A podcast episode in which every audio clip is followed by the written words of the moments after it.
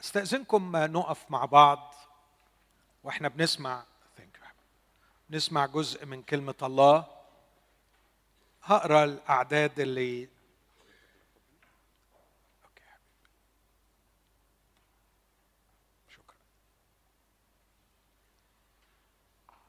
إنجيل متى أصحاح خمسة. لم ينسى الرب يسوع المرأة في تعليمه. في أكبر وأعظم وأشهر عظاته عظة الملك كان للمرأة دورا في فكره في خياله في مشاعره أيضا وتحدث عنها. في أصحاح سبعة في أصحاح خمسة عدد سبعة وعشرين قد سمعتم أنه قيل للقدماء لا تزني. وأما أنا فأقول لكم إن كل من ينظر إلى امرأة ليشتهيها فقد زنى بها في قلبه. فإن كانت عينك شر اليمنى تعثرك فاقلعها وألقها عنك. لأنه خير لك أن يهلك أحد أعضائك ولا يلقى جسدك كله في جهنم. وإن كانت يدك اليمنى تعثرك فأقطعها وألقها عنك. لأنه خير لك أن يهلك أحد أعضائك ولا يلقى جسدك كله في جهنم.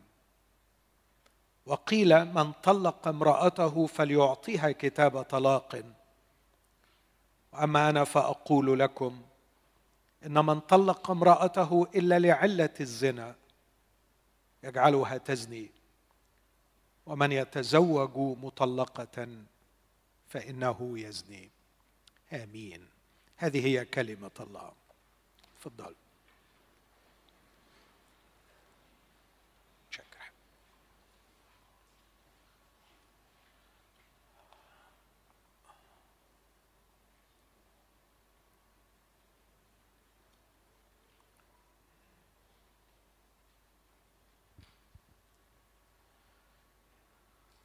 طيب على ما برضو يحلوا لنا المشكلة التقنية.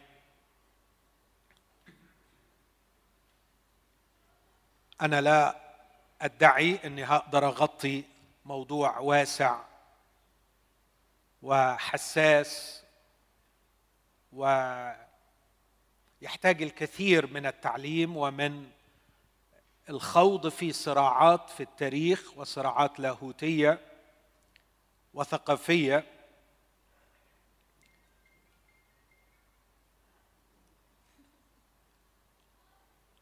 فلا ادعي أني سأحسم كل ما علم به الكتاب لكن سأقصر حديثي على هذا هو العنوان الذي وضعته أن هناك أكاذيب شيطانية من جهة المرأة. وسأحاول أن أختصر جدا بأن أرى كيف كان المسيح يسوع بحياته الشخصية وفي تعليمه يسحق هذه الأكاذيب. أنا مش هغطي موضوع المرأة من كل جوانبه لكن فقط في هذه الجزئية. توجد أكاذيب وأنا أؤكد على أنها أكاذيب شيطانية. صنعها الشيطان لأغراض كثيرة. وهذه الأكاذيب الشيطانية ليس فقط نصدقها بل تصنع ثقافات بأكملها. والمسيح من جانب الآخر بحياته وتعليمه يسحق هذه الأكاذيب. وأنا أعتقد يا أحبائي أنه حديثنا بالأمس عن pornography أو ال porn والإباحية بشكل عام وحديثنا اليوم عن المرأة وما أصابها من سحق بسبب الأكاذيب. هو من وجهة نظري جوهر الحرب الروحية. اختزال الحرب الروحية إلى أشياء هزلية يتحدث عنها المؤمنون. شيء مخزي للكنيسة. الحرب الروحية الحقيقية أن إبليس يصيغ عقول الناس. الحرب الروحية الحقيقية أن إبليس ونحن نيام يخلق ثقافات بأكملها مضادة لمشيئة الله. الحرب الروحية الحقيقية هي أن نكون أصحاء واعين يقظين نلتقط ما يفعله إبليس في العقول من حولنا. وأن نقدم الحق لأن كل ما يفعله إبليس هو الكذب والقتل. المسيح وصف الشيطان فقط بوصفين. وصفه بأنه الكذاب ووصفه بأنه القتال. في يوحنا 8 قال عنه هو الكذاب وأبو كل كذب. وقال عنه قتال للناس منذ البدء. أشتاق وأصلي أن الرب يساعدني ويساعدنا ككنيسه أن يكون لنا موقف مختلف من الحرب الروحية. لا تختزل إلى انتهار ونفخ ودجل وشعوذة. بل تكون صراعا فكريا عميقا. مع منتجات الثقافة العالمية من حولنا. ومحاولة اكتشاف كيف تقتل هذه الثقافة نفوس الناس. في سفر الرؤيا يقول أن التجارة تجارة العبيد ليست فقط في أجساد الناس لكن بابل الزانية العظيمة أم الزواني ورجسات الأرض حيث الشيطان يسكن. تتاجر يقول الكتاب في نفوس الناس وأجسادهم. فعندما تنسحق النفوس وتنسحق الأجساد ابحث عن عمل إبليس. ابحث عن الكذب. ومن الجانب الآخر علينا أن نبحث عن بولس الذي يقول إن أسلحة محاربتنا ليست جسدية بل قادرة بالله على هدم حصون. هادمين ظنونا. وكل علو يرتفع ضد معرفة الله. أشتاق يا إخوتي وأرجو أن تشتاقوا معي ونصلي. أن يعطينا الرب في الكنيسة عقولا. عقولا. عقولا حادة. قادرة على أن تحلل وتنفذ إلى جوهر الأكاذيب وتميزها ثم تهدمها. لكي توقف التجارة بالنفوس وبالأجساد. أمين؟ هل لدينا معونات؟ هل لدينا نموذج؟ هل لدينا طريق؟ هل لدينا سراج نهتدي به؟ حياة المسيح وتعليمه. حياة المسيح وتعليمه. أعظم ميراث لنا. ننتهج نهجه نسير خلفه نتتلمذ عند قدميه نحفظ تعاليمه ثم نحارب حروبه. نحارب حروبه. هذه كانت حرب المسيح وعلينا أن نحارب حروبه. قال المسيح إن حربه الكبرى ليس أن يغزو البلاد ويستولي على العباد لكن حرب المسيح. إن حرركم الإبن. فبالحقيقة تكونون أحرار. وكيف حرر عبارة قبليها تعرفون الحق والحق يحرركم. إن المسيح يحرر ليس بالسيف لكن بالحق. قال له أفأنت إذا ملك؟ قال له أنت تقول إني ملك. لهذا ولدت أنا لأشهد للحق. كل من هو من الحق يسمع صوتي. المسيح يهدم أكاذيب تسحق الناس من حولنا بحياته وتعليمه بسبب اتساع الموضوع اختزلت أو اختصرت إلى فقط أكاذيب ولأن الأكاذيب كثيرة لا أستطيع أن أغطيها. الحقيقة أتذكر أن هناك كتاب باكمله عن لم أقرأه من سنوات طويلة لكن قرأت عنوانه. أكاذيب تصدقها المرأة أعتقد أنه ترجم إلى العربية. لكن أنا مشغول بأربع أكاذيب. أراهم منتشرين من حولنا. وأحاول أن أشرحهم أبين خطرهم ثم أبين كيف أن المسيح بحياته وتعليمه كان يحطم هذه الأكاذيب الشيطانية عن المرأة. ليه بقول أكاذيب شيطانية عن المرأة؟ لأن الشيطان غرضه أن يسحق الإنسان بصفة عامة وأعتقد أنه إذا بدأ بالمرأة وهذه ليست مبالغة إذا بدأ بالمرأة سحق الإنسانية. وهذه ليست مجاملة رخيصة مني للمرأة فلست أريد أن أجامل لكن ليس عندي وقت لأشرح الكثير لكن ربما من خلال كلامي يتضح لكن لا أنسى ابدا أن لعنة السقوط في تكوين ثلاثة لعنة السقوط وصفها المسيح أنه بسقوط الإنسانية تحت سلطان الشيطان ستكون هناك عداوة خاصة بين الشيطان وبين المرأة. توجد عداوة وكراهية في قلب الشيطان للمرأة واعتقادي تفسيري أنه إذا نجح في أن يسحق المرأة سحق الإنسانية. فلا إنسانية حقيقية بدون المرأة.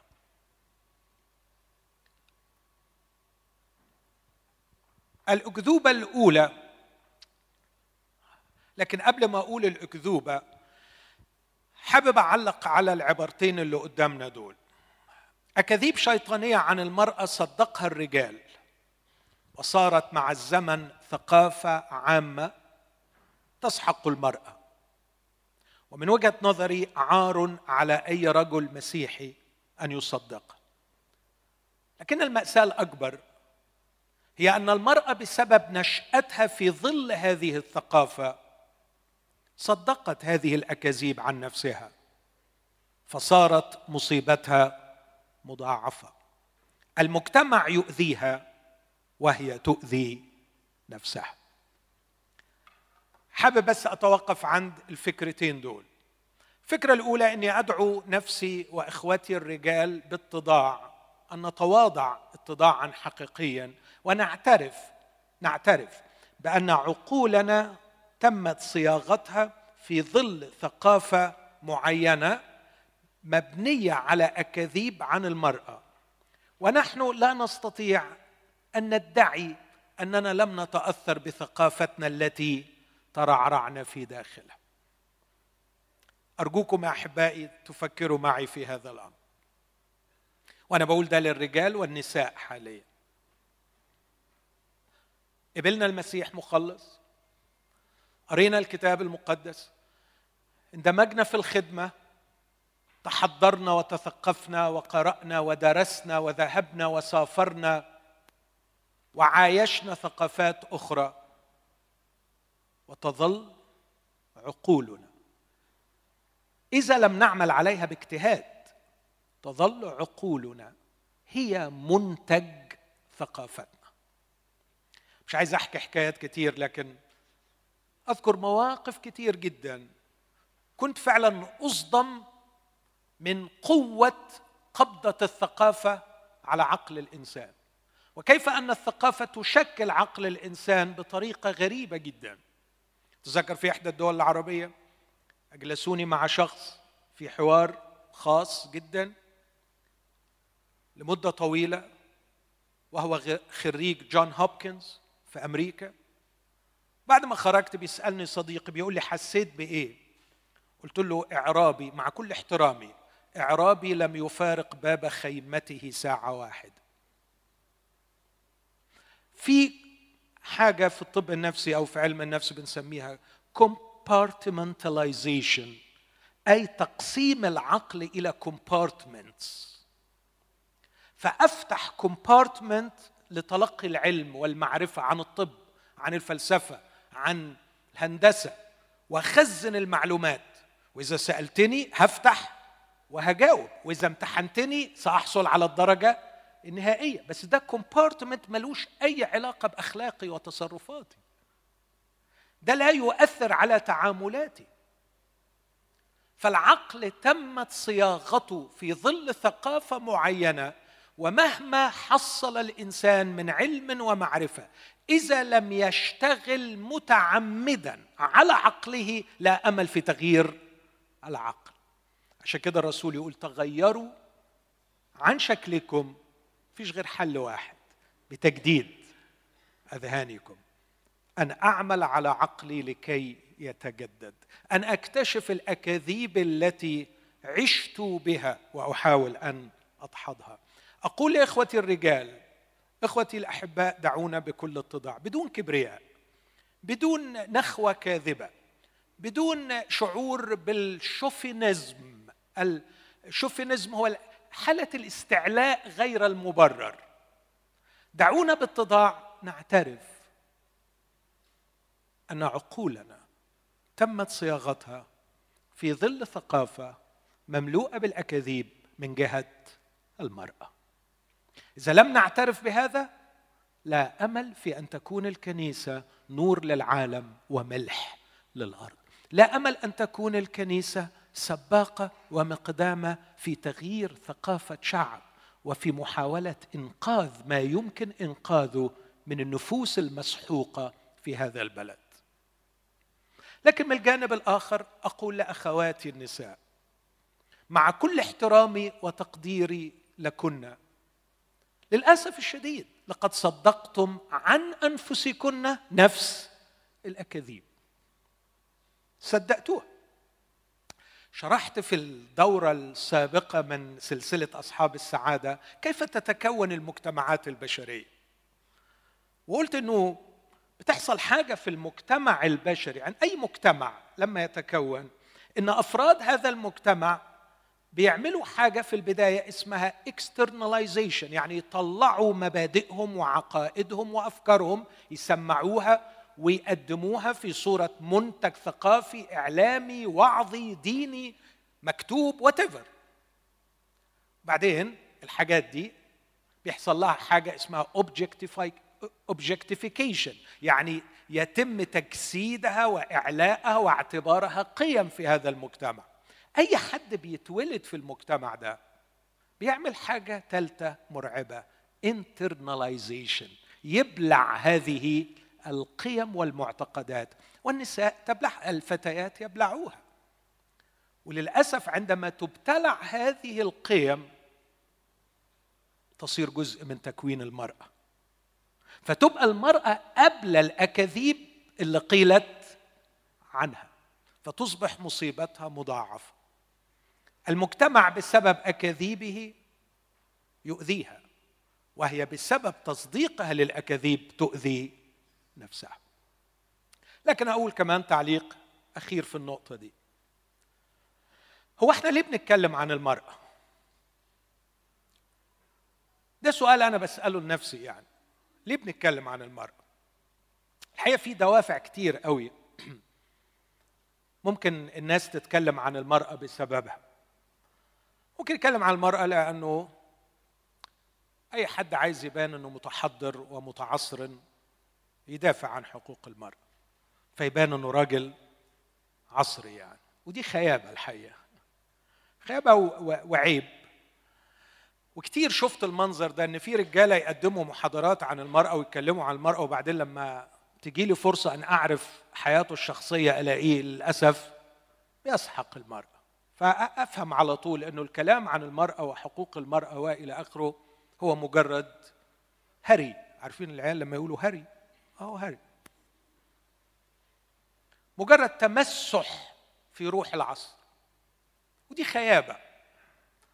خيابة على الرجل لأن على فكرة التحضر له طرقه والتحضر له منهجه. وإذا اريت أن تكون عصريا متحضرا أسلك ال... أسلك الطريق الصحيح. لا تتمحك في بعض الحركات والنشاطات. التي تجعلك أمام نفسك وأمام الآخرين أنك عصري ومتحضر وأنت لست كذلك في الحقيقة. الأمر الثاني البعض يبحثون عن قصة أكبر من قصتهم الصغرى. فمسألة الفيمينيزم والدفاع عن حقوق المرأة قضية من القضايا الساخنة التي تجذب دائما مريدين فينتموا إليها ليس حبا في المرأة وليس رغبة حقيقية في إنقاذ المرأة. لكن مجرد أنهم يعيشون من أجل قضية أكبر من قضيتهم تعطيهم قيمة وكرامة في نظر المجتمع. لماذا نتكلم عن المرأة؟ هتكلم عن دافع نبيل لكن مش هو اللي بيحركنا أو اللي يحركني على الأقل. الدافع النبيل علشان الآثار السلبية الناتجة عن سحق المرأة. طب وايه العيب في كده؟ من وجهة نظري لو إحنا هندافع عن المرأة ونريد أن نسحق الأكاذيب التي تقدمها الثقافة ضد المرأة فقط بغرض حماية أنفسنا من النتائج المترتبة على هذه الأكذوبة نحمي عيالنا ونحمي بيوتنا ونحمي مجتمعنا من النتائج يبقى إحنا انتهجنا مدرسة أخلاقية اسمها المدرسة النفعية التي تقيم الفعل فقط بسبب نتائجه. إخوتي نحن ندافع ونحاول أن نسحق هذه الأكاذيب لسبب مش علشان المنفعة العامة وإن كان ده أكيد نحبه بس مش هو ده الغرض لكن الغرض أن نفعل كالمسيح أن نضع الحق في الأرض. أن نضع الحق في الأرض. لماذا نريد أن نسحق الأكاذيب؟ لماذا نريد أن نعطي الجميع حقوقهم؟ لماذا ندافع عن المرأة ضد الأكاذيب التي تقال ضدها؟ مش عشان خاطر منفعتنا ومنفعتها. لا مع إن ده حلو. علشان ده حق. والحق لازم يتقال ويتحط. كم حد هيطيعه كم حد هيمشي وراه أو لو لو مشينا على المبدأ ده يبقى إذا الحق اللي ممكن يجيب لنا نتائج موجعة ما نقولهوش. مش كده؟ لو هنمشي على أساس المنفعة يبقى خلاص لو في حقائق لو كشفناها واتكلمنا عنها ودافعنا عنها هتجيب لنا اضطهاد أو سجن يبقى المفروض إن إحنا ما نتكلمش. أرجو أن يكون هذا واضحا. عندما نفضح هذه الأكاذيب ونحاول بنعمة الرب بأنفسنا نبدأ بأنفسنا إن إحنا في بيوتنا وفي مناهجنا وفي تعاملنا مع أولادنا وبناتنا وزوجاتنا إن إحنا نقدم نموذج حقيقي في سحق هذه الأكاذيب بالأقدام. نبدأ بأنفسنا.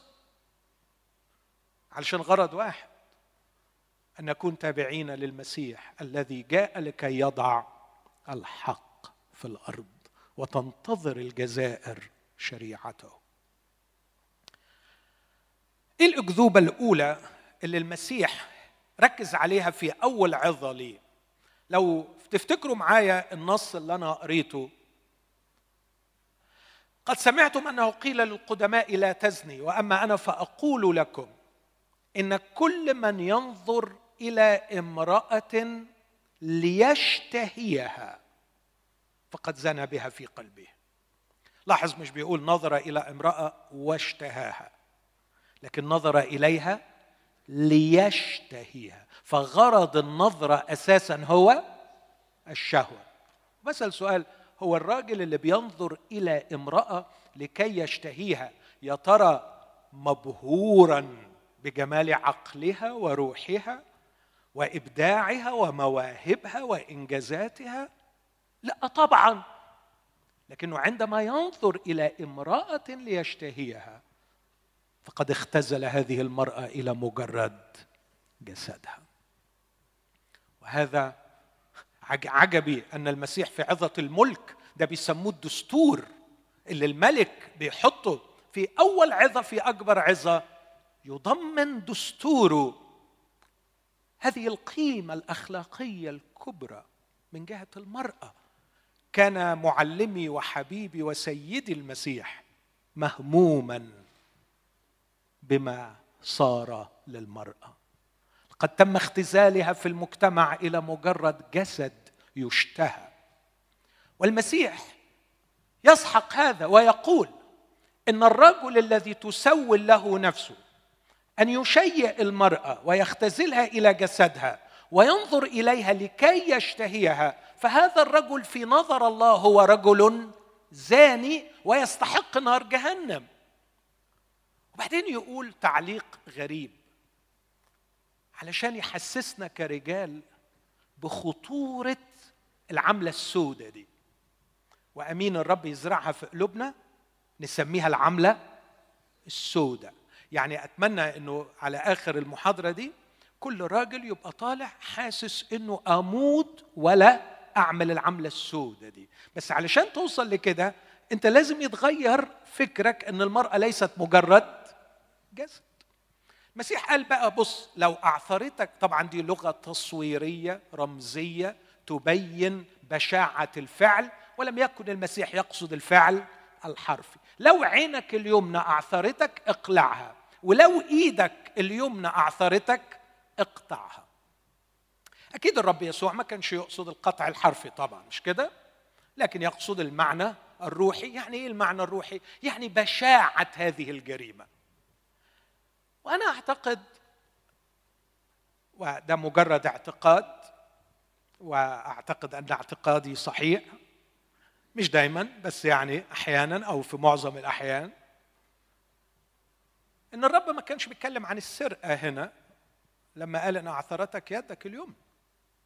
الكونتكست نفسه بيتكلم عن الشهوه بيتكلم عن المرأة. وعشان كده الرب يسوع استكمل حديثه. قال إن أعثرتك عينك اقلعها إن أعثرتك إن يدك اليمنى تعثرك اقطعها. خير لك أن يهلك أحد أعضائك ولا يلقى جسدك كله في جهنم. وبعدين راح مواصل الكلام وقال وقيل من طلق امرأته فليعطيها كتاب طلاق وأما أنا فأقول لكم إن من طلق امرأته إلا لعلة الزنا يجعلها تز يعني رجع يكمل حديثه عن المرأة. فإيه اللي دخل موضوع الإيد؟ يعني موضوع العين مفهوم. موضوع الإيد أعتقد أقدر أفهمه ببساطة بنفس ال... بنفس المنطلق. يعني أقدر أقول من يلمس امرأة ليشتهيها فقد زنى بها في قلبه ليست فقط النظرة لكن أيضا اللمسة. تحرش البشع بكل أشكاله دي الخلاصة. أعتقد أن هذا من ألفين سنة. كان المسيح يضع لنا أساسا اخلاقيا لنبذ ورفض وكراهية وبغضة التحرش بالمرأة. التحرش بالنظر والتحرش باللمس.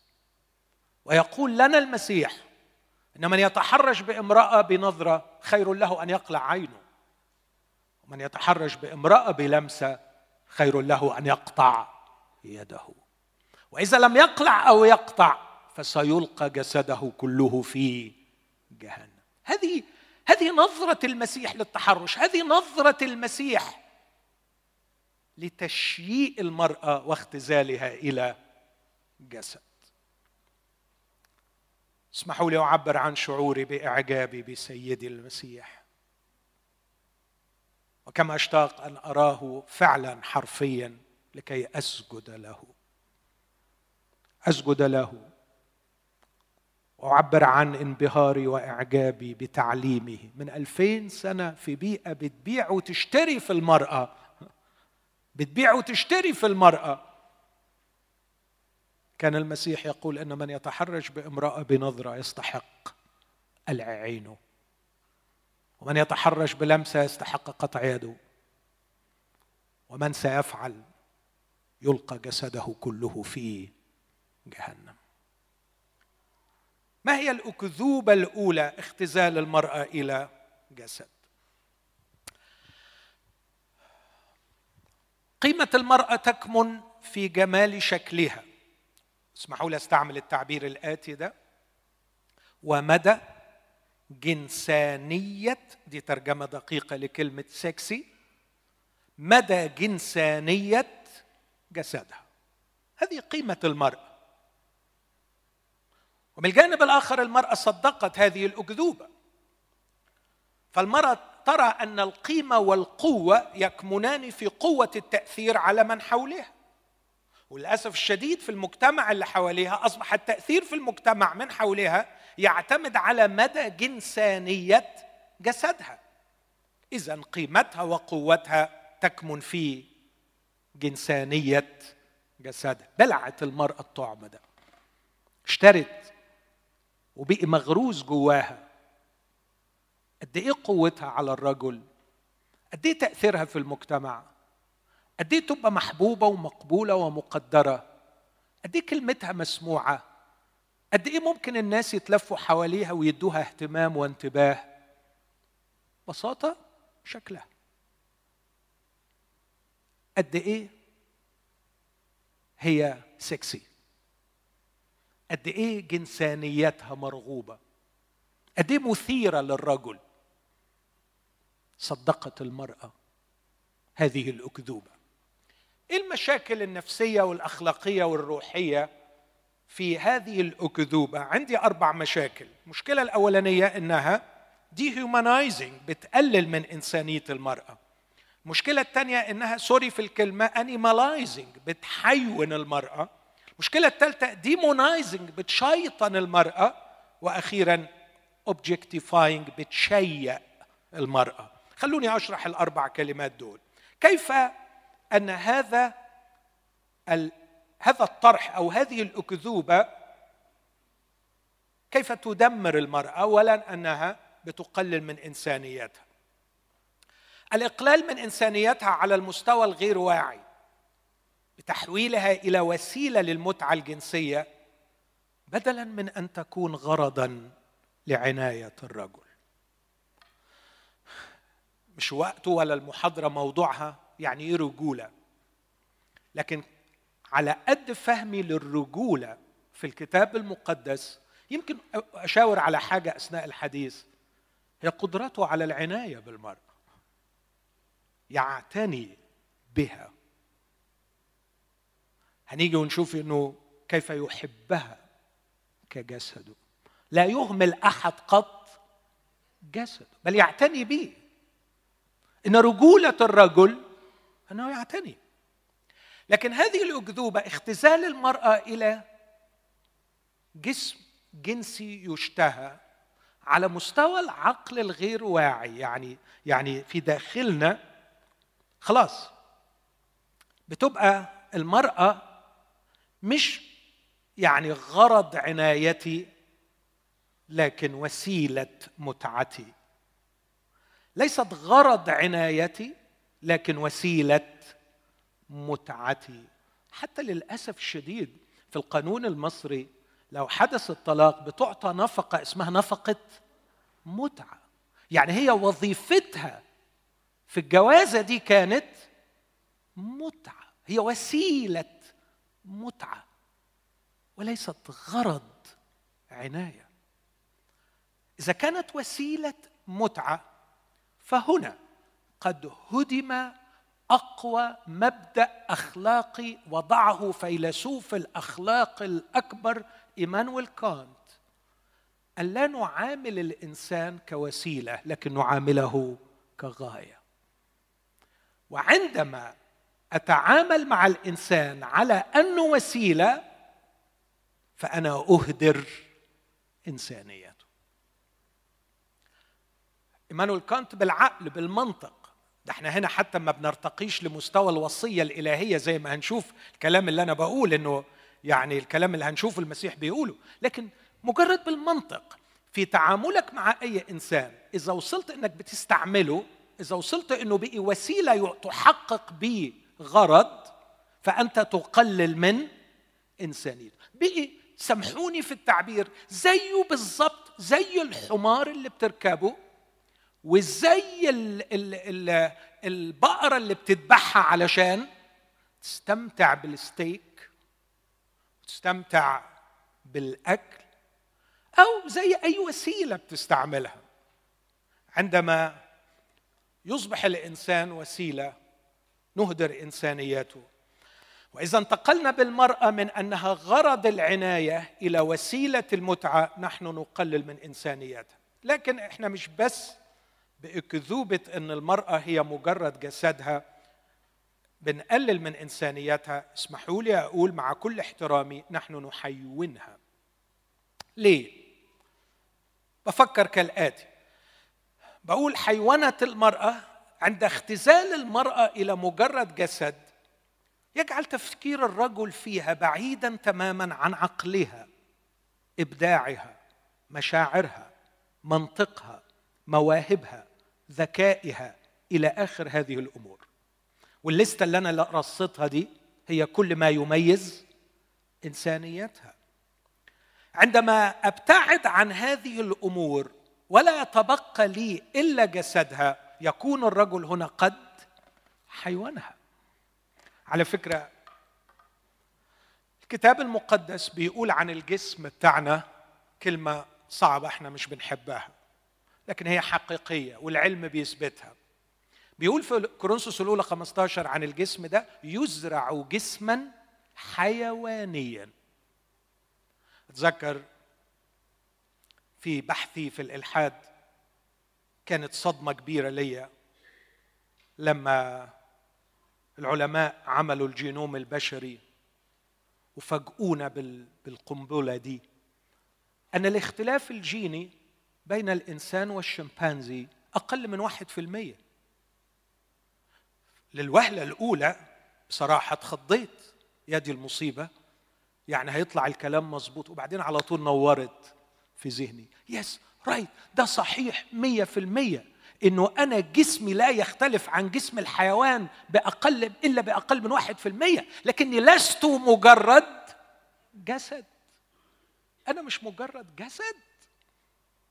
أنا مش مجرد جسد. yes أنا حيواني الجسد.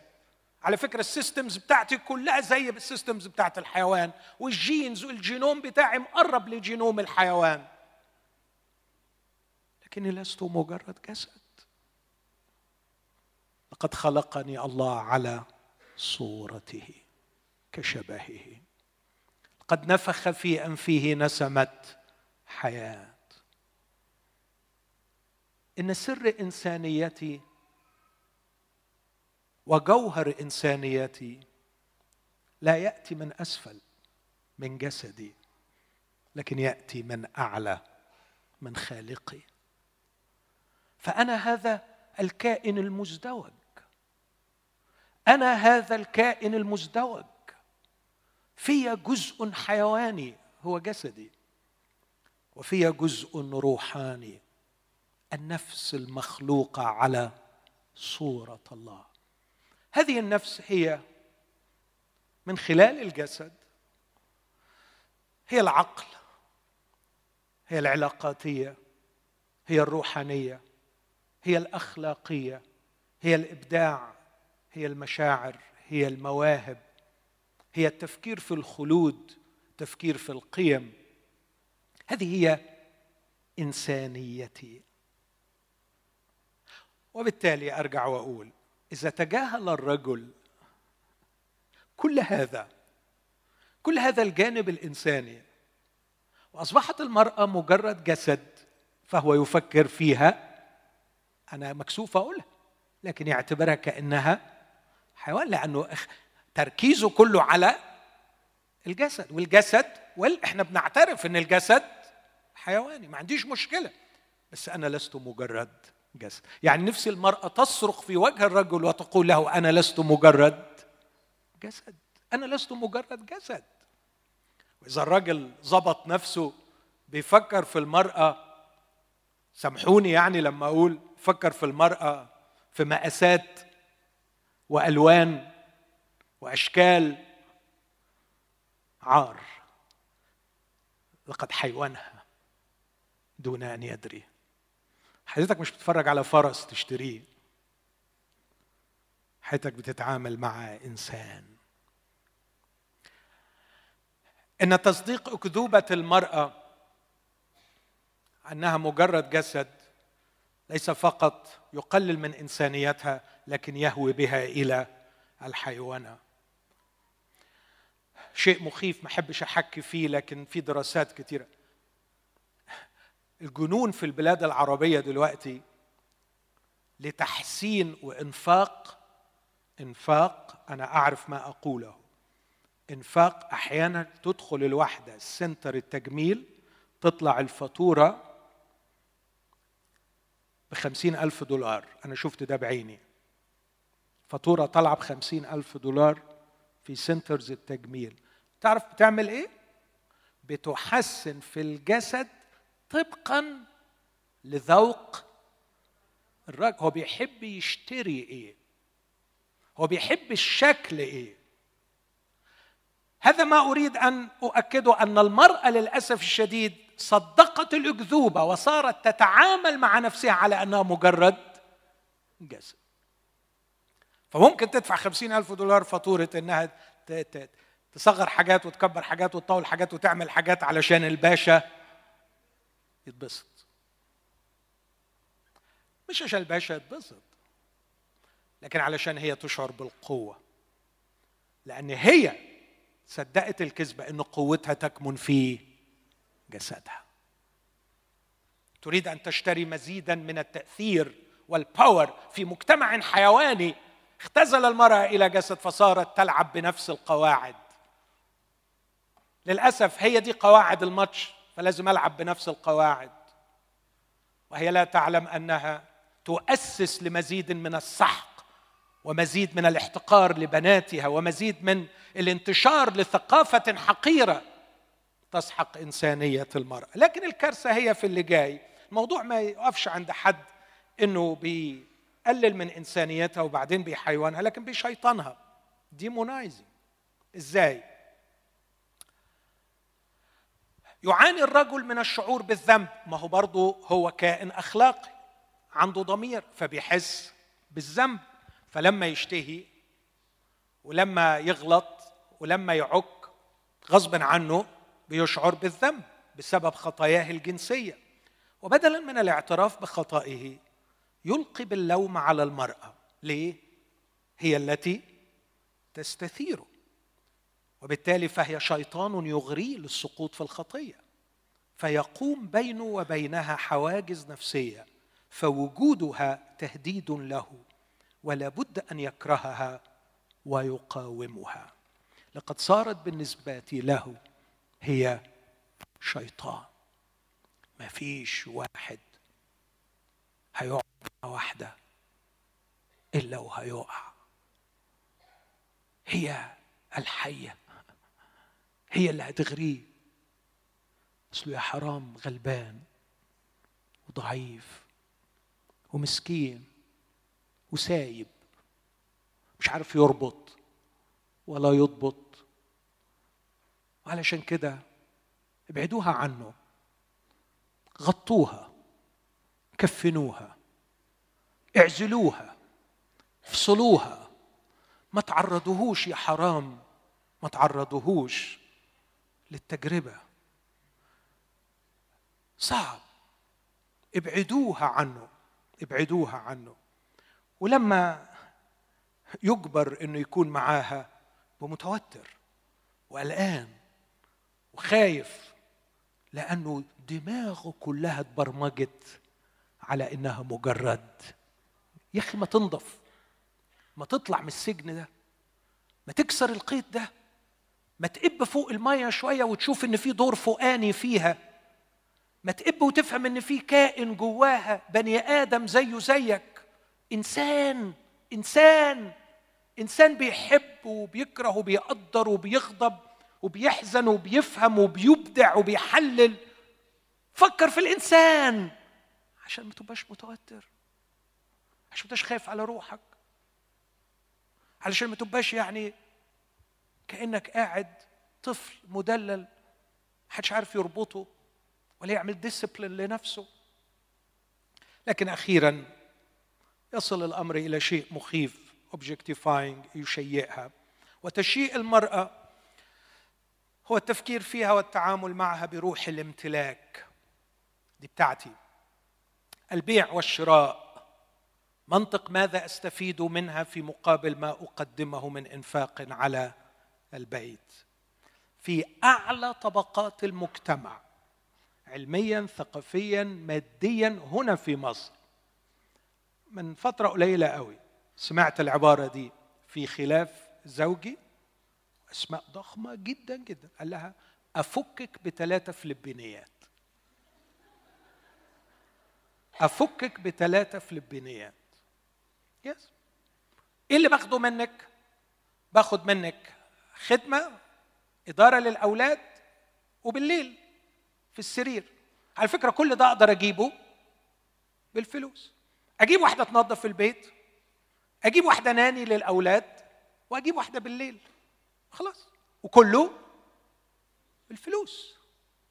تشييء المرأة واعتبارها متاع يباع ويشترى. وعلى فكرة ده يعني منتشر بشكل رهيب. وتصدقت الأكذوبة. يعني الولاد في في الدراما اللي عملوها فكرة المهر وفكرة فكرة الشبكة اللي بربع مليون ولا ما كله كله عبارة عن تفكير في بيع وشراء. بيع وشراء. أين انسانيتها وللأسف المرأة تصدق أيضا هذه الأكاذيب. وأبو الفتاة يصدق الاكذوبه ويتعامل مع بنته على إنها برضه منتج هيبيع.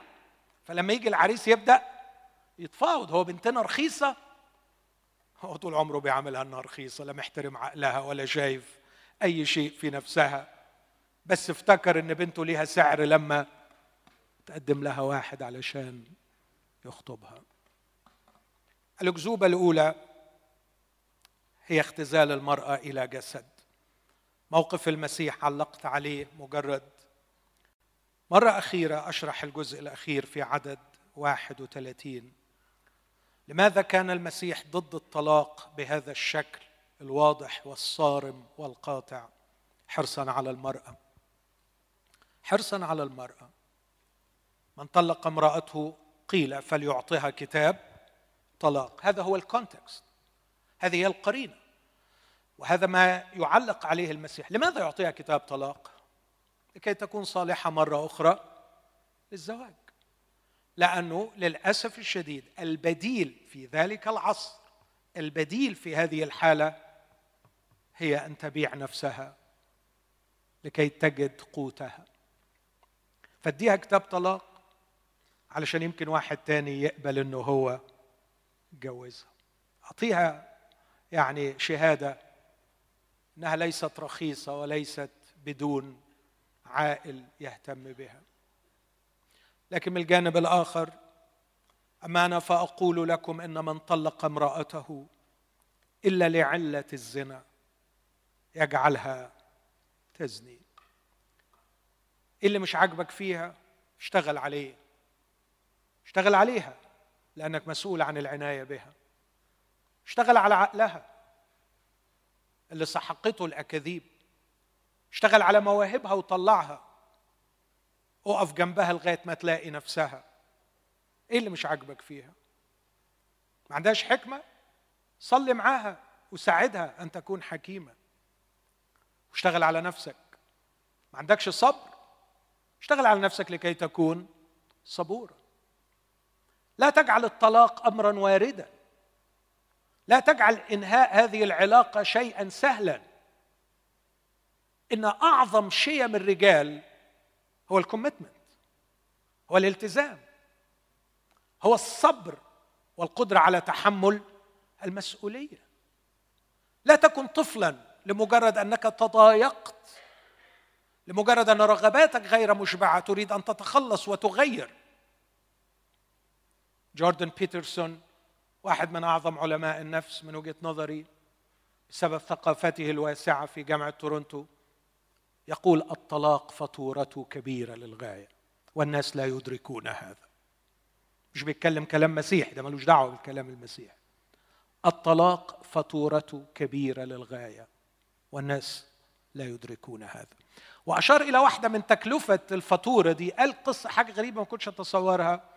قالوا إن الإنسان بيحتاج علشان يكون مستقر نفسيا إن يكون حياته وان ناريتيف قصة واحدة. الانسان بيمشي في القصة شاب فصل وراء الآخر فصل وراء الآخر ويبقى فرحان إن القصة بتكتمل بتسلسل لكن الطلاق يوقف القصة يضع نهاية بائسة للقصة ويخليه يبدأ من أول وجديد قصة ثانية ده مش سهل. أعرف إنه في بعض الأحيان بيبقى الشر اللي لابد منه والناس للأسف زي ما قال المسيح إنه في أحيانا بيحصل لكن التكلفة عالية. لكن كمان يقول المعلم إن من طلق امرأته إلا لعلة الزنا يجعلها تزني. ليه بيجعلها تزني؟ في زمن الفقر والظلم والضيق والاضطهاد اللي كان المسيح بيتكلم فيه لن يبقى أمامها وسيلة للمعايشة أن تتعايش في بيت إلا أن تذهب وتعطي نفسها لأي رجل كجارية. والمسيح في نظره أن هذا زنا. ومن يتزوج مطلقة فإنه يزني. هذه هي التعاليم المسيحية. لا جواري لكن رجل واحد لامرأة واحدة. وإذا تزوج بواحدة أخرى أو تزوج بامرأة لمجرد أنها وهبتها وهبته نفسها فهو يساهم في نشر عملية الزنا. أكذوبة المرأة مجرد جسد. الأكذوبة الثانية المرأة أقل في القيمة. المرأة أقل في القيمة من الرجل. لما قالوا لي ولد شد ظهري واتسند. فاكرين المثل؟ الخايب ده؟ طب أسأل سؤال بامانه لغايه دلوقتي لغايه دلوقتي. ماذا تفضل العائلات المصرية؟ للأسف الشديد للأسف الشديد. ما زالت القيمة في الولد. تغيرت نظم الاقتصاد تغيرت طبيعة الحياة لكن الثقافة ما بتتغيرش. العقول اللي تكونت في ظل ثقافة طب يمكن زمان كان الولد أهم لأنه مصدر للدخل. بس الثقافة اتغيرت دلوقتي. عفوا الظروف اتغيرت لكن الثقافة ما اتغيرتش.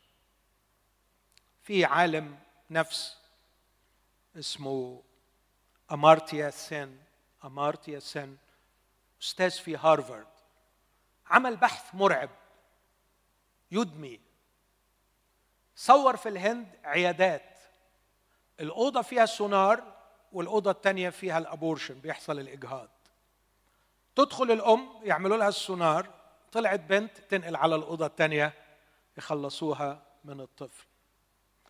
بعدين الراجل عمل البحث بتاعه عنوان البحث.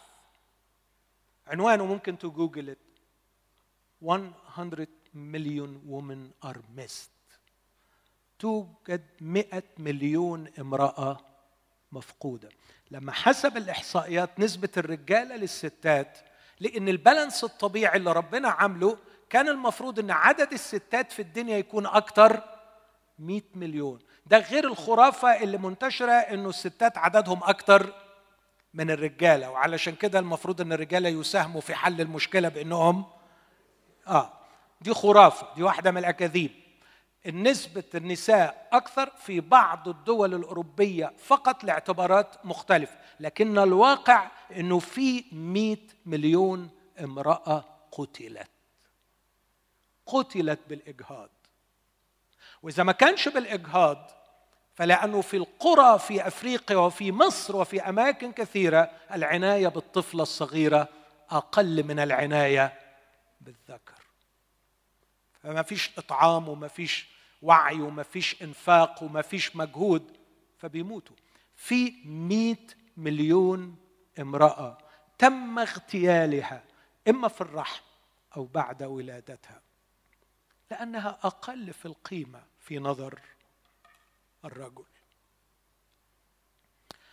لكن أيضا مسألة أن المرأة أقل في القيمة في مكالمة مع واحدة مع عمرو أديب من فترة قريبة أن أتزوج زواج تعيس أفضل من أن أظل عانس. لأن قيمتها تنبع من زواجها. قيمتها ليست في ذاتها لكن في من يمتلكها. ولذا أن تتزوج زواج تعيس أفضل من أن تظل بدون زواج. ظل راجل ولا ظل حيط. تلم في أي جوازة أو سلام علشان خاطر القيمة الفاليو الناس هتبص لي إزاي؟ لأنه قيمتي لا تنبع من ذاتي. قيمتي تنبع في زواجي. قيمتي تنبع في الراجل اللي بيمتلكني. أكيد الزواج له أبعاد تانية تحتاج إليها المرأة غير القيمة. لكن واحدة من الأشياء المؤلمة أنه البنت تشعر بضياع القيمة لمجرد أنها لم تتزوج. ما عنديش مانع أبدا تيجي تشكي وتبكي وأقدر دموعها وأضعها على رأسي وهي بتقول لي أشعر بالوحدة أشعر بالخوف أشعر أشعر. كل ده مقدر. لكن ما لا أتقبله أن تشعر بقلة القيمة لمجرد أنها لم تتزوج. كيف سحق المسيح هذه الأكذوبة؟ المرأة أقل في القيمة. في معظم التاريخ وفي معظم الثقافات هكذا يقول وين جرودم. وين جرودم لاهوتي مسيحي معاصر؟ من أشهر اللاهوتيين المحافظين والمدافعين عن أهمية التمييز بين دور الرجل ودور المرأة والذي يقر بقيادة الرجل في البيت وفي الكنيسة. ومع هذا يقول هذا الرجل الأمين يقول في معظم التاريخ وفي معظم الثقافات كانت المشكلة ليست هي ال feminism لكن قهر الرجال واستعلائهم. Oppressive male chauvinism. أترجمها القهر الذكوري الاستعلائي. ويقول وين جرودم؟ بدلا من الرجولة القائدة الخادمة. هذا هو مفهوم الرجولة في الإيمان المسيحي. رجولة قائدة إيه؟ خادمة. لأن المسيح لما يتكلم عن القيادة وأنا مع فكرة أن الرجل له القيادة في البيت لكن القيادة بالمفهوم المسيحي. ما هي القيادة في المفهوم المسيحي؟ من أراد أن يكون أولا يكون لكم عبدا عبدا. هي دي القيادة هي دي القيادة. كونك أنت في دماغك بسبب شر الثقافة ربطت ما بين أو أنت ربطتي ما بين القيادة والاستعلاء دي مأساة ثقافية حليها. لكن مش علشان خاطر المجتمع خلى البرسبشن لكلمة ثقافة استقبال سيء ورديء خاطئ أنا هغير كلام الكتاب. الكتاب قال أن القيادة في البيت للرجل لكن ما هو نوع القيادة؟ القيادة بالخدمة. القيادة من عند رجليها. قيادة بالاعتناء بها قيادة باعتبارها عطية من الله لي لتفكر معي لتعينني. لتصنع القرار معي. ما أقدرش أعيش من غيرها. ما أقدرش أفكر لوحدي بدونها. يس أنا المسؤول في النهاية أمام الله عن هذا البيت. لكني لا أستطيع أن أقود بدون معونتها بدون مواهبها بدون قدراتها بدون صلاتها بدون محبتها. القيادة الخادمة المسيح أعظم قائد. أمين. المسيح أعظم قائد. كيف صار قائدا؟ بأنه صار عبدا. هذه المسيحية يا جماعة. ما تخلوش المجتمع يكرهكم في كلمة قيادة. المسيح رأس. كيف صار راسا؟ وضع نفسه وأطاع حتى الموت. لذلك رفعه الله. القيادة في المسيحية والرأس في المسيحية بالاتضاع بالخدمة لا بالموت من أجل من يقودهم. الراجل الحقيقي القائد الحقيقي يضع نفسه عوضا عن زوجته. يضع نفسه عوضا عن زوجته. قصة ما أعرفش ما مدى صحتها لكن قصة تروى سمعتها من أكثر من مصدر. عن هذا الملك الذي احتلت أرضه من ملك أقوى منه فسباه هو وامرأته وأولاده إلى بلده. وعندما ذهبوا هناك استدعاه في قصره وقال له كم تعطيني وأطلق لك أولادك؟ قال له أعطيك كل ما أملك في بلدي. خذ كل شيء. هو كان هزم في المعركة. قال له خذ مخازني سأرشدك إلى جميع المخازن واطلق أولادي أحرار لدي كنوز كثيرة. قال له اتفقنا. وماذا تعطيني لأطلق لك زوجتك؟ قال له سيدي لقد اعطيتك كل أموالي لم يبق لي إلا نفسي. خذني عبدك عبدا عندك واطلق زوجتي تعود مع أولادها. فتأثر الرجل من نبله. وقال له أعطيتك امرأتك وأولادك وثروتك ارجع. ففي الطريق كان الزوج يحكي مع زوجته بينما هي منهمرة في البكاء ويقول لها هل رأيت نبل هذا الرجل؟ هل رأيت عظمته؟ كيف أعاد لي كل شيء؟ وهي لا تجيب. في النهاية هزها لها أنت مش سمعاني؟ بقول إيه؟ قلت له سمعاك لكني ما بفكرش غير في راجل واحد رأيته يهب نفسه من أجلي. من أجلي. فكر في نبل مين بعد اللي شفته. رأيتك وأنت تضع نفسك من أجل إخوتي أسأل الرجال هل هذا الرجل ينقص في عيوننا؟ هل الرجل ده يقل يعني عشان عمل كده؟ لا يقل في عينيها ولا يقل في عينينا نضعه على العرش. هذا هو المسيح.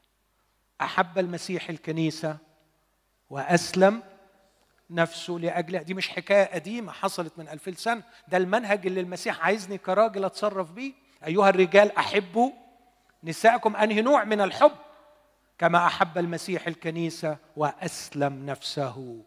من هذه القيادة أن تضع نفسك أن تحمي أن تصون أن تتصدر للدفاع والاعتناء. أن تقوم بالنيابة عنها بما لا تستطيع هي أن تفعله. إنك تصلح لها العربية بتاعتها. مش توقفها عند عند الصناعات تتبهدل معاهم. إنك تقدر تروح أنت تشتري حاجة اعفيها من هذا. أن تبحث عن ما يؤلمها وتحاول أن تفعله. إنك تروح معها عند الدكتور. إنك تحاول تستمع إلى مشاكلها. هذه القيادة ليست رئاسة وتسيد. كتبت هذه الكلمات من فترة في مذكراتي بعض الأفكار أكتبها أو الخواطر. من أول صفحة في الكتاب المقدس ندرك أن الرجل والمرأة متساويين بصورة مطلقة. من حيث القيمة والكرامة. اسمعوني أحبائي. ليست الحيوانات رغم أن بعضها في منتهى الذكاء ولا الملائكة رغم عظمتها وقدرتها الفائقة مشابهة لله. حيوانات في حيوانات في منتهى الذكاء وفي ملائكة مقتدرين قوة لكن لا الحيوانات ولا الملائكة على صورة الله. وبالتالي فالمرأة أعظم من الملائكة. لأنها على صورة الله ومشابهة له. أرجو ما حدش يفهمني غلط مش بقول مرأة ملاك. ملاك ساقط زيي بالظبط. لكن بقول في القيمة أنا مش بتكلم على الأخلاق هنا مش بتكلم عن التصرفات لكن بتكلم في الفاليو ما هي قيمة المرأة؟ قيمتها زي قيمة الرجل. قيمة الإنسان. وما هي قيمة الإنسان أعظم من الملائكة. ليه أعظم من الملائكة؟ لأنه مخلوق على صورة الله. الملائكه لم تخلق على صورة الله. وقال الله لتخرج الأرض ذوات أنفس حية كجنسها. بهائم دبابات وحوش الأرض كأجناسها. ده خلق الحيوانات. وكان كذلك. فعمل الله وحوش الأرض كأجناسها والبهائم كأجناسها. لاحظ كلمة الكاف الكاف الكاف. الحيوانات كاجناسها الحيوانات لتخرج الأرض. لكن لما جه عند خلق الإنسان عدد 26 وقال الله نعمل الإنسان مش تخرج الأرض بشر. لا. الله يتشاور مع نفسه في جلسة بين الثالوث ويقول نعمل الإنسان على صورتنا كشبهنا فيتسلطون على الحيوانات. بعدين عدد 27 فخلق الله الإنسان على صورته على صورة الله خلقه. ذكرا وأنثى. خلقهم ذكرا وأنثى. فالمرأة في القيمة والكرامة مخلوقة على صورة الله على قدم المساواة مع الرجل. كتبت أيضا في مرة أخرى أن المصدر الحقيقي للكرامة هو الخلق على صورة الله وفي هذا نحن متساوون. كل الأمور العظيمة على الأرض هي أعمال الله لكن لا شيء منها على شبه الله سوى الإنسان. إن كل الملكات السامية التي تميز الإنسان كالعقلانية العلاقاتية الروحانية الإرادة الحرة الحدس الخلود إلى آخره. إنما ترجع لمصدر واحد وحيد هو الخلق على صورة الله. وبالتالي فإن أي معتقد يضع المرأة أقل في واحدة من هذه الملكات السامية إنما هو معتقد شرير مضاد لتعليم الكتاب المقدس. أكذوبة ثلاثة. المرأة أقل في الذكاء والقدرات. في المشانة اليهودية أو المشنة من يعطي ابنته أي تعليم في الناموس يكون شره كمن يعلم ابنته الفسق والفجور. تخيل ده موجود في تعليم اليهود. المصدر اللي جايب منه الكلمة دي موجود قدام حضراتكم في كتاب من جامعة أكسفورد. والكاتب الكلام ده واحد اسمه أليعزار كتبه سنة ما بين 80 ل 120 ميلادية. يعني مش بس في نفس عصر المسيح لكن كمان بعده بشوية. بيقول إن اللي يعلم بنته الناموس زي اللي بي... شره زي اللي بيعلمها الفسق والفجور. ليه؟ لأنه بيرتكب جريمة المخلوق ده مش المفروض أنه يتعلم وصايا الله. جاء المسيح في هذه الثقافة وعمل إيه؟ للي بيقولوا إن المرأة أقل في القدرات العقلية مثلا أو أقل في العقل أو في الفهم أو في الذكاء. أربع حاجات أقولهم بسرعة. أول حاجة أطول حوار عميق في كل حوارات المسيح كان مع السامريه مريم تلمذتها عند قدميه. الكلمة اللي اتقالت عن مريم في لقا عشرة كانت تجلس عند قدمي هي نفس الكلمة اليونانية اللي اتقالت عن بولس لما قال أنا متعلما عند رجلي غملائيل فكان يسوع يتلمذ نساء. وكان درس خصوصي كانت بتبقى قاعدة لوحديها ويسوع يقضي ساعات. منين جبت الساعات دي؟ تانية عمالة تطبخ. تطبخ طبخة كبيرة قوي. مش بعيد تكون ذبحت جدي مثلا. وعمالة تسلق وعمالة تنظف. فأكيد خدت لها يعني ذبح الجدي هياخد قد إيه حضراتكم؟ ثلاث أربع ساعات. والثانيه قاعدة تتتلمذ. اذا كان يسوع يقضي ساعات يتلمذ. مريم ومن الواضح إن دي كانت عادة عنده إنه هو يذهب ويتلمذ. قبوله لتبعيتها له وخدمتها المادية له. أنتم متخيلين في ذلك الوقت؟ إنه لقى 8 يقول لنا إن كانت هناك مجموعة من النساء يتبعن يسوع. وبيم الحقيقة النص في لقى 8 كان يتبعه الاثني عشر. وبذات القدر وعلى قدم المساواة ومعهم مجموعة من النساء مع الاثني عشر راس براس مع الاثناشر ماشيين معاه. وسمى منهم أسماء كبيرة. ولما نرجع للأسماء منهم ناس مش متجوزة زي مريم المجدلية ومنهم ناس متجوزة زي امرأة خوذي وكيل هيرودس وكيلة الملك. يعني نساء من علية القوم وامرأة كان بها سبعة شياطين. كان المسيح بيقول الأمر لا يعتمد على مستوى اجتماعي أو مستوى ثقافي لكن المرأة قيمتها في أنها امرأة إنسانة مخلوقة على صورة الله. لكن أيضا أتعجب في وسط يهودي أنه يجعل أول شهود لقيامته هم نساء. كان يقدر المسيح يرتبها بطريقة ثانية صح؟ كان يقدر. لكن غريبة جدا في لو 24 تلميذي عمواس بيقولوا البعض وهم ماشيين بل إن بعض النسوة منا قد حيرننا. إذ يقولنا أنهم كانوا عند القبر ورأوا رجال أو ملائكة في شبه رجال يقولوا أنه قد قام. فكان شائع في الكنيسة الأولى أن أول من رأى وشهد بقيامة المسيح هم نساء. وكانت شهادتهم غير معترف بها. لكن المسيح يريد أن يسحق هذه الأكذوبة ويقدم دليلا عظيما. إخوتي يعوزني الوقت لكن بس أختم بكلمة صغيرة عشان الوقت. عشان تعرفوا الثورية بتاعت المسيح. كان المسيح ثوريا في هذا الأمر. كان المسيح ثوريا. ونحن نحتاج إلى هذه الثورية في سحق هذه الأكاذيب. انقاذا بلاش انقاذا لوضع الحق في الأرض. أطول حوار في العهد الحوار ده من أشد الحوارات اللي بتشدني وبقعد قدامه كتير. مع المرأة السامرية. سبع مرات هو اتكلم سبع مرات هي اتكلمت. في أحاديث أطول لكن أنا بتكلم عن ديالوج. أخذ وعطى أخذ وعطى وكلام ورد واحترام لعقلها. لكن يبهرني أمرين في الحوار ده أو ثلاث حاجات. الحاجة الأولانية أن المسيح راح لها مخصوص. صح؟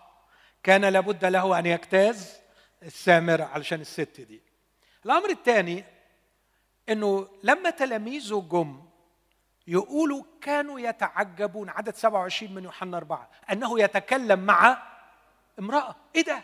لاحظوا مش امرأة سامرية فيش الحتة سامرية لمجرد أنه بيتكلم مع إزاي؟ إزاي المعلم يتكلم مع امرأة؟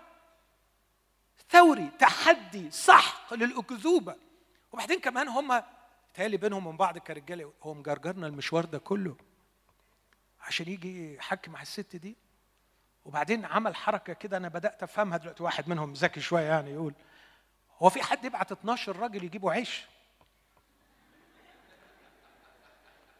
مش حاجة غريبة برضه؟ لأنه كان تلاميذه قد مضوا ليبتاعوا له.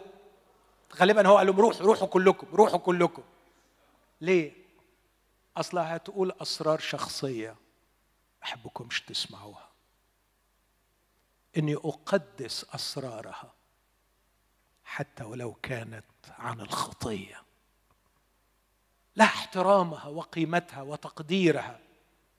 ناوي أكشفها بحاجات أنا هقول لها كان لك خمسة أزواج وهقول لها إن اللي معاكي دلوقتي هو مش جوزك ودي حاجات مقدسة جدا بيني وبينها محدش يسمعها. يلا روح روح أنت وهو هاتوا العيش يلا. فلما جاءوا كانوا يتعجبون أنه يتكلم مع امرأة. لكن الكلمة الثالثة اللي في الحوار البديع ده أول من أعلنت مسيانيته فهمتها. يا للذكاء يا للجمال. عمالة كيف تطلب مني لتشرب وأنت رجل يهودي وأنا امرأة؟ سامرية أه يا سيد أرى أنك نبي. لكن بعديها على طول أنا أعلم أن مسيا يأتي. أنا أعلم. متعلمة. آه متعلمة. آه الدنيا سحقتها لكنها متعلمة. أنا أعلم أن مسيا يأتي. ما عرفوهاش رؤساء الكهنة. ما عرفوهاش شيوخ اليهود. ما عرفوهاش الكتبة المعلمين. عرفتها هذه المرأة بل أقول ما عرفهاش كثير من تلاميذه فكثيرون من تلاميذه ابتدأوا من ذلك الوقت يرجعون. لكن هذه المرأة تقول له أنا أعلم أن المسيح يأتي ومتى جاء يخبرنا بكل شيء. يقول لها المسيح أنا الذي أكلمك هو. وكانت أول مبشرة خرجت ومضت وأخبرت المدينة بأكملها وبإبداع بإبداع كيف انتقد بشارتها. هلم انظروا إنسانا قال لي كل ما فعل المرأة ليست أقل في القيمة. ودول مجرد أربع حاجات أنا اخترتهم بسرعة. المرأة لخدمة الرجل. قومي يا بت اعملي لي الشاي. تصوروا ما انساش ابدا مشكلة عائلية في في بلد خارج مصر. بلد متحضرة قوي مش هقول اسمها عشان الناس بتسمع كل حاجة دلوقتي. مشكلة بين البنت وأبوها. وأبوها جاي بقلب مكسور بيتكلم معايا عن البلد دي اللي أفسدت البنت عليه وقست قلبها عليه. ودكتور ماهر الثقافة هنا مدمرة وبوظت. قلت له طب معلش احكي لي يعني. قعد يشكي لي منها يشكي لي منها فتوقعت إني هشوف يعني بنت شرسة متمردة. لما جت قعدت معايا ابتدت تحكي لي عمق المعاناة اللي بتعانيها مع هذا الرجل. إزاي بيجي من الشغل؟ يقعد يتفرج على التي في ويقزقز لب قومي اعملي لي شاي. فالبنت بصت تقول له بابا قوم اعمل لنفسك. أنت مش تعمل حاجة مهمة. يا قليلة الأدب يا مقصوفة الرقبة. حد يقول لأبوه كده؟ آه بصراحة ليها حق تقول لك كده. آه بصراحة ليها ألف حق تقول لك كده. لأنه حضرتك جاي منتج ثقافي لثقافة حقيرة. علمتك وغرست فيك. مش انت اللي تخدم لكن المرأة هي. لا على فكرة قوم اخدم نفسك واخدمها. وهذه رجولة. هذه الرجولة. اقرأ النص ده معايا علشان تعرف إن هذه هي الرجولة في المفهوم المسيحي. أيها النساء اخضعن لرجالكن كما للرب.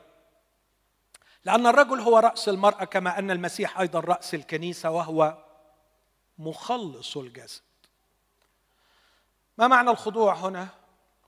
ليس الخضوع هو الاستعباد ولا الخنوع. الخضوع في جملة واحدة أن تقبل بقيادة الرجل. أن تقبل أن يكون الرجل قائدا. وعلى فكرة أنا شايف إنه ديبلي في أعماق كل امرأة تشعر إنها محتاجه راجل يشيل المسؤولية. محتاجه راجل يشيل المسؤولية. شيل. أرسلت لي صديقة عزيزة رسالة أدمت قلبي عن هذا الرجل الذي يتحرر ويتحلل من مسؤولياته كزوج. لا على فكرة في داخل أعماق كل امرأة شوق أن يكون الرجل حامل للمسؤولية قائد. شيل. شيل. وجه. امسك الدفة. سوق. سوق. ما تسيبناش في العراء وما تحملنيش أنا مسؤولية قيادتك. قود. هذا هو مفهوم الخضوع. ليس استعباد ولا خنوع ولا سي السيد. لكن مجرد أن المرأة تقبل بقيادة الرجل في البيت. وبعدين يقول كلمة جميلة. بيقول زي ما الراجل زي ما المسيح راس وعلى فكرة رأس مش مصدر. رأس يعني قائد. المسيح رأس. وبعدين يقول وهو مخلص الجسد يعني القيادة بتاعته عشان يعمل إيه؟ لا أسمع منكم علشان أطمن. عشان يخلص. يعني قائد علشان يخلص. يعني في مشاكل هتقابلنا وحضرتك مطلوب منك تعمل إيه؟ مش أنت قائد؟ حل. خلص. هذه القيادة. أن تكون في مقدمة الجيش لكي تخلص. أن تكون في مقدمة النار لكي تنقذ وتطفئ. هي دي القيادة. يعني إيه راجل يعني قائد يعني إيه قائد؟ يعني في الصف الأمامي تدافع وتحمي وتعد الطريق لهم وتفتح وتفكر وتنجز. من أجل هذه العائلة. وإلا ما يبقاش راجل. لا لا لا لا نحن في عصر المساواة. يلا شيلي أنت بقى. يلا أنت أنت عولي أنت هم العيال. أنا هروح أجيب فلوس. أنا أروح أجيب فلوس. خيبة. خيبة بالويبة. إذا اختزلت الرجولة أن تكون ماني ماشين زي ما كان بيقول الراجل. خيبة فعلا. لا على فكرة الولاد محتاجين راجل. الولاد محتاجين حد يبث فيهم. يعني إيه إنسان؟ يعني إيه راجل؟ يعني إيه حب؟ يعني إيه وداعة؟ يعني إيه خدمة؟ يعني إيه قيادة؟ عيالك محتاجين أن تسكب نفسك فيهم. مش تحط فلوس في جيبهم. مخلص. هذه هي القيادة أن يكون مخلص. بعدين يقول في عدد يكمل يعني يعني هم عددين قالهم للمرأة 23 أو ثلاث أعداد 24 ولكن كما تخضع الكنيسة للمسيح كذلك النساء لرجالهن في كل شيء. تقبل بقيادة الرجل كما تقبل الكنيسة بقيادة المسيح. وما أقدرش أقول هنا بقى أنه المسيح مش قائد. والأنالوجي اللي حطه المسيح رأس الكنيسة الرجل رأس في البيت يبقى إذا المسيح قائد والرجل قائد بس قائد عشان يخلص. كيف صار قائدا؟ كيف المسيح صار قائدا؟ لاحظ مخلص قائد لكي يخلص. لكن كيف وصل إلى القيادة؟ من خلال الصليب من خلال الحب. فهو قائد لكي يخلص وهو صار قائدا لأنه أحب. أيها الرجال أحبوا نساءكم كما أحب المسيح أيضا الكنيسة وأسلم نفسه لأجلها لكي يقدسها مطهرا إياها بغسل الماء بالكلمة لكي يحضرها لنفسه. كنيسة مجيدة. أنا بشوف ده مراتي مش عجباني أشتغل عليها لغاية ما تعجبني. مراتي فيها عيوب أشتغل على عيوبها لغاية دي مسؤوليتي كقائد. يحضرها لنفسه. كذلك يجب على الرجال أن يحبوا نساءهم كأجسادهم. من يحب امرأته يحب نفسه فإنه لم يبغض أحد جسده قط بل يقوته ويربيه. يربيه يعني يدفئه يعتني به مش يربيه. بعض بيحب يقرأ في الصعيد طبعا يحب يقرأ ها أخونا مش أهو بيقول يربيه فأنا بربيها. لا يقوته ويدفئه. تشرش يعتني. يطعم. للاختصار الثلاث مرات اللي بيقول إن الراجل يحب. مرة فيهم يقول كما أحب المسيح الكنيسة وهذا هو نوع الحب. ومرة أخرى يقول من يحب امرأته يحب نفسه يحبها كنفسه وهنا يشير إلى كمية الحب ويحبها كجسده كيفية الحب. ثلاث مرات يحبها كما أحب المسيح الكنيسة يحبها كنفسه يحبها كجسده. كما أحب المسيح الكنيسة نوع الحب الذي يحبه حب القائد الذي يعتني ويهتم. كمية الحب دي زي نفسك. كيفية الحب زي ما بتعتني بجسمك. شوف بتعتني بجسمك إزاي واعتني بزوجتك. أختم ب كنت الأسبوع اللي فات بقدم دراسة عن مقدمة لإنجيل لوقا. ولقيت قضايا بارزة في إنجيل لوقا ومن ضمن القضايا لقيت المرأة في إنجيل لوقا قضية بارزة. 13 امرأة في إنجيل لوقا لم يذكروا في الأناجيل الأخرى. فإذا أرادت المرأة أن تقرأ إنجيل لوقا تبحث عن ال 13 دول وتشوف إزاي إن لوقا كان مهتم برصد علاقة المسيح بالمرأة. المرأة على قدم المساواة في قصة الخلاص في عندنا في قصة الخلاص في يوسف في زكريا الكاهن وفي كمان سمعان الشيخ بس في كمان مريم وأليصابات وحنا وبصراحة اللي واخدين الصورة في الحكاية مش الثلاث رجالة لكن الثلاث صح ولا لا؟ يعني هتقارن مريم بأليصابات؟ هتقارن آه، زكريا بسمعان الشيخ أو بيوسف؟ لا في في بروز للرجال عفوا للنساء. لكن على الأقل أقول إنها على قدم المساواة في قصة الخلاص. المرأة تلميذة للمعلم لؤى عشرة وشريكة في الخدمة لؤى ثمانية. المرأة هي التي دهنته بالطيب.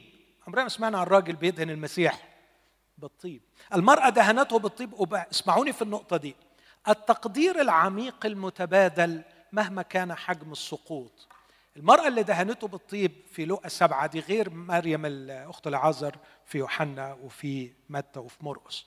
بتاعت لؤى سبعة دي دي امرأة ساقطة في المجتمع كانت عايشة في الخطية لكنها تابت والمسيح غفر لها. فلما راحت قعدت تبكي تبكي لغاية ما غسلت رجليه وبعدين مسحتهم بشعرها. حب بقى رهيب. والمنظر ده بيحصل فين؟ في بيت سمعان في الريسي. وأنا متأكد انه هو وكل الاضيش اللي قاعدين معاه قاعدين يقولوا إيه المسخرة اللي بتحصل دي؟ إيه ده؟ إزاي ده سايبها تعمل كده؟ إيه يا أخويا الكلام ده؟ عمال عماله تمسح في رجليه وتبوس في رجليه و... الكلام ده. وهو زي الأسد. ساكت. وسايبها. مش عايز حد يقرب منها. وبعدين في الآخر قال له تعالى عندي شيء أقوله لك يا جماله وابتدأ يدافع عنها.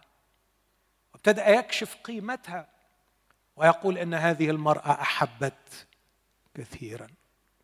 وغفرت لها خطاياها الكثير. إنها مغفورة الإثم يا سمعان.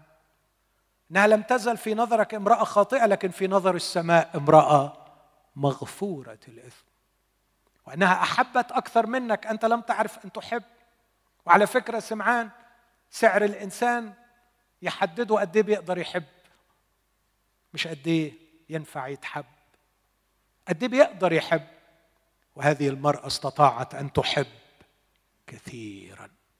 دي ثمنها غالية قوي يا سمعان لأنها أحبت كثيرا. ما أحلى سيدي المسيح وهو يقبل منها التقدير ويقدرها وتسجل قصتها وتخلد لتسحق أي أكذوبة عن المرأة تقلل من قيمتها. إن أي شخص أمين للمسيح وتعليمه يقبل حق الإنجيل عليه أن يضع هذه القصة في عقله باستمرار ليرى كيف قدر المسيح المرأة وتعامل معها. المرأة المنحنية في لوقا 13 راح المجمع مخصوص وهو عارف إن رئيس المجمع هيتزربن عليه ويتعصب عليه ويشخط في الناس وبعدين قال له يا مرائي كل واحد فيكم ما بيحلش طوره وحماره ويشفيه ويروح يسقيهم السبت. وهذه اسمع الشهادة ابنة لإبراهيم وقد ربطها الشيطان 13 سنة. أما كان ينبغي أن تحل من رباطها. قد شاف انحنائها. يقف مخصوص عشان يرصد المرأة الفقيرة في أصحاح 21 ويقدم شهادة عنها إن هذه المرأة أعطت أكثر من جم... ليه؟ لأنها أعطت كل معيشتها. لم نقرأ في كل الكتاب في العهد القديم والجديد أن في إنسان أعطى كل معيشته لله.